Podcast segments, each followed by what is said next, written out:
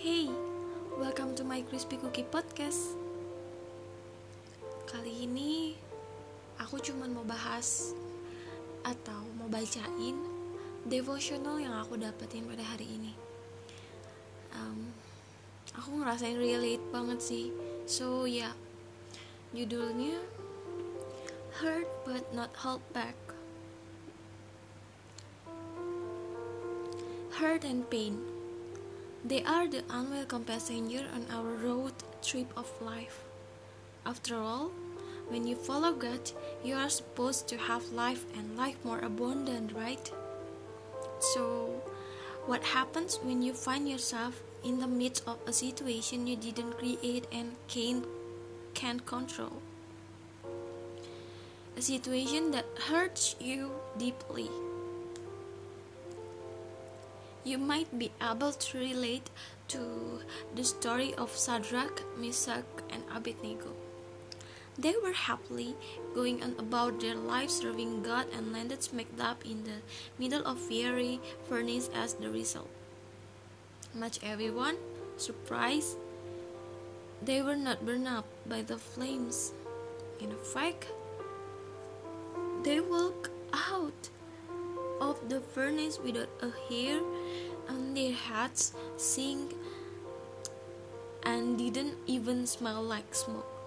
Wow, that's amazing, right?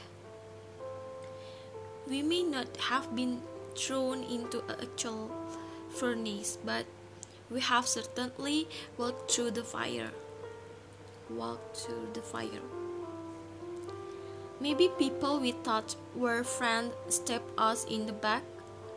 Maybe our marriage have been in trouble. Maybe people we have trust have talked about us badly. Maybe we've been disappointed when something didn't go our way.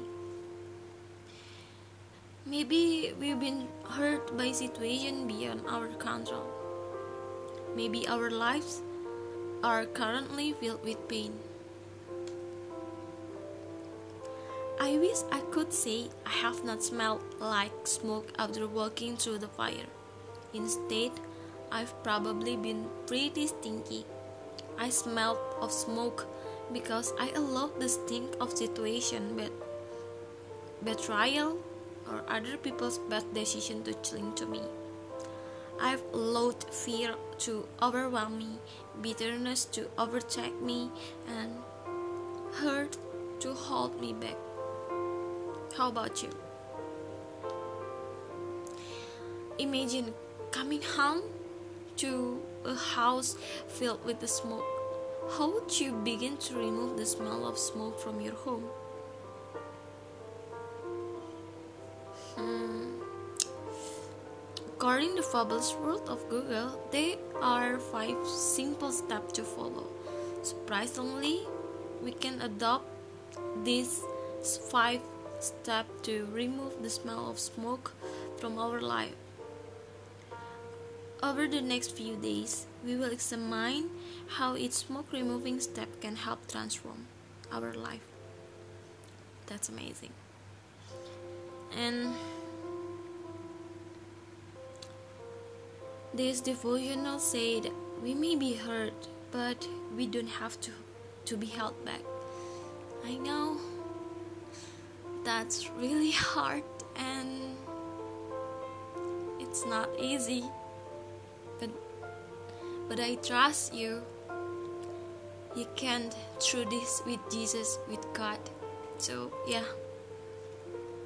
Good night.